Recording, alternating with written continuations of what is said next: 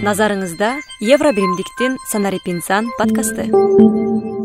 Саламатсыздарбы урматтуу угармандар назарыңыздарда санарип инсан подкасты жана анын алып баруучусу мен ажибек нурланов жана кесиптешим сапаргүл абдынабиева. Саламатсыздарбы бүгүн бизде абдан кызыктуу ишкер ойлоп табуучу десек дагы болот айбек ыксанов. Ал фермер kg платформасынын негиздөөчүсү. Фермер kg платформасы бул. Ар кандай мөмө жемиштерди малдарды онлайн саткан бул электрондук аянтча. Ошол идея каяктан келип калды эле? Абдан кызыктуу да. Азыр канча колдонуучусу бар? Канча жылдан бери иштеп атасыздар? Ошондон баштайлы абдан жакшы саламатсызбы урматтуу угармандар? Биз эки миң жыйырманчы жылы менин дос балам өзүнүн картошкасын түшүмүн сата албаганына байланыштуу. Ушундай бир идеяга келдик эле. Ушундай бир электрондук соода аянтчасын ойлоп табалы жасап чыгалы. Ошол аркылуу биз фермерлерге бир жакшы мүмкүнчүлүк түзүп берели деп баштаганбыз. Андан бери мына бир жылдан өтүп калды. Азыр буюрса иштеп атат колдонуучуларыбыз бар. Акырындап өсүп келатабыз ошол фермер kg баардык эле телефондорго ылайыктуу. Анан баардык эле өлкөнүн аймактарынан кирсе болот колдонсо болот жана азыр кандай алып сатуулар жүрүп жатат активдүү? Фермер kg э, бул кыскача айтып кетейин. Бул э, электрондук соода аянтчасы толугу менен айыл чарбасына багытталган. Э, ал аркылуу биздин дыйкандар жана ошо айыл чарбасында жүргөндөр өзүнүн малын түшүмүн жер жемиш Э, жер семирткич э, жана башка айыл чарбасына тиешелүү э, оокаттарды алып сатса болот. Үйдөн эле отуруп алып. үйдөн эле отуруп алып сатса болот. Бул сүрөтүн киргизип кыскача маалымат жазып баасын жазып киргизип койсо бул колдонуу толугу менен бекер. Азыр азыркы учурда сайт анан мобилдик тиркеме бар. Мобилдик тиркеме андроid телефондоруна жасалган. Анткени бул бизде азыр фермерлердин токсон үч проценти ошо андроid телефонун көтөрөт экен биз ушу биринчи э, баштапкы э, жылы ушундай биринчи баштагалы эле деп чечкенбиз. Э, кийинки жылдары азыр ios жасалып атат. Буюрса ал дагы жеткиликтүү болот сиз мына жакшы айтып кеттиңиз жакшы түшүндүрмө бердиңиз анан мен дагы кичине ошол фермер kg платформасын дагы ичинен мындай караганга суроо бергим келип жатат да. Мобилдик тиркемеси бар экен сайты бар экен. Анан ошол мобилдик тиркемеси сайт толук бир э, платформа фермерлерибизге биздин айыл чарбасындагы ишкерлерге кандай бир мүмкүнчүлүктөрүн жана анын э, артыкчылыктары кандай мисалы үчүн убактыларын үнөмдөп жатат э? Ушул сыяктуу дагы биз билбеген балким көп сырлар бардыр ооба. Э, ошо негизги идея ушул пандемия учурунда биздин дыйкандар мал базарлар жабык болчу. Э, дыйкандар э, бири бири менен алака соода алакасын жүргүзө албай калган момент болчу. Э, ошондо биз ошого жараша ушул тиркемени чыгарганбыз. Алар бири бири менен баягы физикалык контактта болбостон телефон аркылуу соода мамилесин жүргүзсүн деп. Анан ошондон кийин баягы биз колдонуучуларга бул керек экендигин түшүндүк. Андан кийин ошол ойдон биз аны дагы улантууга аракетибизди кылып келатабыз мен ошондо эгер мен фермер болсом үйүмдө мал жандыгым бар болсо бир эле мал жандык эмес башка жанагындай агропродукциям бар болсо э? Ошону отуруп алып эле сүрөткө тартып анан кандай кылып кирсем негизи мындай бир кичинекей түшүндүрүп берип кетсеңиз. Кичине инструкциясы бул google playден жанагы инстаграм whatsapp көчүргөндөй эле фермер kg деп жазса чыгат Э, ошону жазып э, телефонго көчүрүп алат. Э, телефонго жүктөп алгандан кийин кыскача регистрациядан өтөт. Ал абдан жеңил эле. Биз максималдуу түрдө жеңилдеткенге аракет кылдык чтобы дыйкандарга түшүнүктүү болсун үчүн. Биринчиден регистрацияны өтүүдө бул атын жазат анан телефон номерин жазат болду. Андан кийин уже жарыя берүүнү кыргыз орус тилинде бар.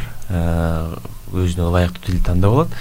Жана жарыя берүүнү басуу менен өзүнүн жарыя берүүнү баскандан кийин категорияны тандайт. Э, бизде ошол жылкы уй кой э, жер жашылча жемиш жана алар под категорияларга бөлүнгөн. Ошону тандап андан кийин кыскача түшүндүрмөсүн жазып өзүнүн продукциясы жөнүндө толугураак маалымат жазгысы келсе ада биз атайын талаачаларды койгонбуз. Ошол эле мисалы үчүн жылкынын боюн жана башка маалыматтарды тагыраак киргизгенге да мүмкүнчүлүктөрү бар фермерлердин андан кийин ошону жазгандан кийин анан жарыяны киргизүү деген бар. Ал киргенден кийин бизге келип түшөт. Биз кыска убакыттын ичинде аны текшеребиз дагы анан баягы жарыяны киргизүүгө чыгарууга макулдугубузду бергенден кийин ал жарыя чыгат да. Анткени бул бизге биринчи келип түшөт. Анткени ар кандай моменттер бар экен э, фермерлер туура эмес информацияны киргизет экен сатуу иретинде эмес э, башка максатта да киргизет экен э, ошондуктан биз бир сыйра мындай администрирование кылып турушубуз керек да ошентип катталгандардан анан киргизип баягы сатып алуу жүргүзгөндөрдөн мындай кичине маалымат берип кетебиз. Алар сиздерде азыр канча болду? Азыр бизде колдонуучулар ушу элүү миңге активдүү колдонуучулар элүү миңге жетип калды. Кыргызстандын ар бир бурчунан оштон жалал абадтан чүйдөн көлдөн фермерлер колдонушат. Негизинен биз эки этапка бөлгөнбүз бул долбоорду бул биринчи этап кыргызстандын ичинде иштеген электрон соода аянтчасы ал ишке кирди азыр иштеп атат да экинчи э, этап бул э, экспортко арналган аянтча болот. Анда э, биз азыр өзүбүз дагы ошол экспорт менен иштеп атабыз ушул нюанстарын минустарын билүү үчүн. Ошону биз оцифровка кылганга автоматташтырганга аракет кылып келатабыз бул экинчи этап болот. Анда бизде кандай көйгөйлөр бар? Бизде экспорт боюнча бир топ көйгөйлөр бар. Анын ичинде фермерлер чачыранда жайгашкан алардын продукциялары дагы. Мисалы үчүн бир адамда бир фермерде бир тонна э, картошка болсо башка дыйканда беш тонна бар. Ушундай майда майда да а тышкы э, сатып алуучулар аларга объем керек да. Дүңүнөн э? Дүңүнөн керек да. Ошондуктан бизде колхоз мурда колхоздор жок. Э, ошондуктан биз бул тиркемени түзүү менен дагы биз онлайн кооператив жасайбыз да. Фермерлерди бириктирүү менен. Онлайн кооператив болот. Алардын продукциялары да баардыгы бияка киргенде бир определенный бир статистика чыгат. Э, андан кийин э, логистика э, бизде коюлган эмес ошого жараша биз аны дагы автоматташтырып беребиз. Ошол эле эмеден кыргызстандан бишкектен болобу москвага товарын саткан атса уже логистиканы ал көрсөтүп алат да. Жетчү жерин көрсөтүү менен ал ошонун расчетун ала алат да. Канча баа экен канча убакытта жетет экен анан ошого жараша биз базасын да түзүп беребиз логистический компаниялардын анан если ошол заказ болгондо ошол логистика компанияларга келип түшөт да. Анан алар өзлөрүнүн баасын берет. Андан кийин э, бул документ жагынан документ жагынан дагы биз азыр түндүк э, гос порталы менен э, интеграция кылалы деген аракет кылып жүрөбүз. Ал болсо экспортерлорго дагы дагы жеңил болот да документти онлайн алуу. Негизи экспортто бул нюанстар абдан көп экспорт кылгандар аны жакшы эле түшүнөт. Ошону бирок э, биздики э, азыркы учурдагы долбоорубуз идеалдуу болбосо дагы бара бара ушул бир жакшы деңгээлге жеткизели деп турабыз да. Назарыңызда евро биримдиктин санарип инсан подкасты. Айбек ажибек баарыбыз жакшы билебиз. Кыргызстанда санариптешүү доорунда туризмдин жана агро тармактын орду абдан чоң экенин бул тармакта кыргызстандын потенциалы дагы кенен экенин дайыма эле айтып келе жатабыз. Демек агро тармакка фермерлер түздөн түз байланыштуу болгон үчүн алар санариптешүү доорунда эмнелерди эске алышы керек? Кандайча санарип фермер болушу керек ар бир фермер? Ооба айтып жүргөндөй жыйырма биринчи кылым баардыгы телефон менен э, интернет менен иш алып барып калышты. Э, ошого жараша биздин дыйкандар дагы көнүп келатат. Негизи бул мындай караганда акыркы бир э, үч төрт жыл мурун беш жыл мурун интернет телефон жөнүндө иштөө же ал жөнүндө өзүнүн ишин алып баруу деген түшүнүк жок болчу.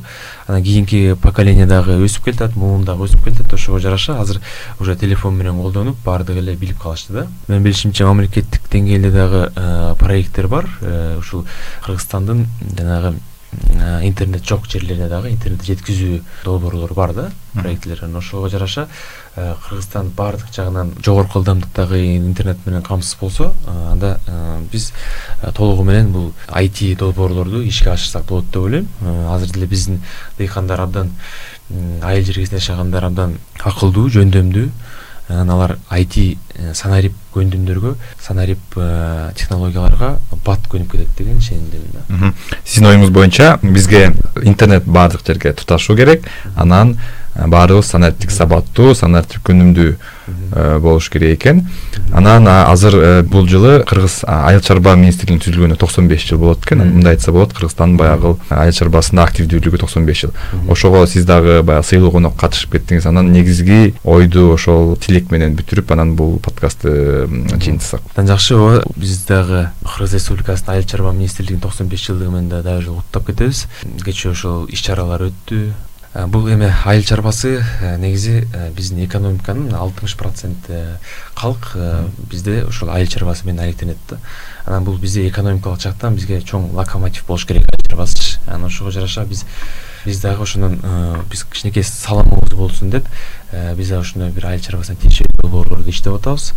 Анан буюрса кыргызстан өнүгөт өсөт деген чоң ишенимдебиз рахмат айбек абдан кызыктуу маек үчүн абдан уникалдуу тиркемеңиз үчүн ишиңизге ийгилик каалайбыз ал эми биз бүгүнкү подкастты жыйынтыктайбыз. Аны алып барган кесиптешим ажыбек нурланов жана мен сапаргүл абдинабиева. Кайрадан ободо угушканча аман туруңуздар. Назарыңызда евро биримдиктин санарип инсан подкасты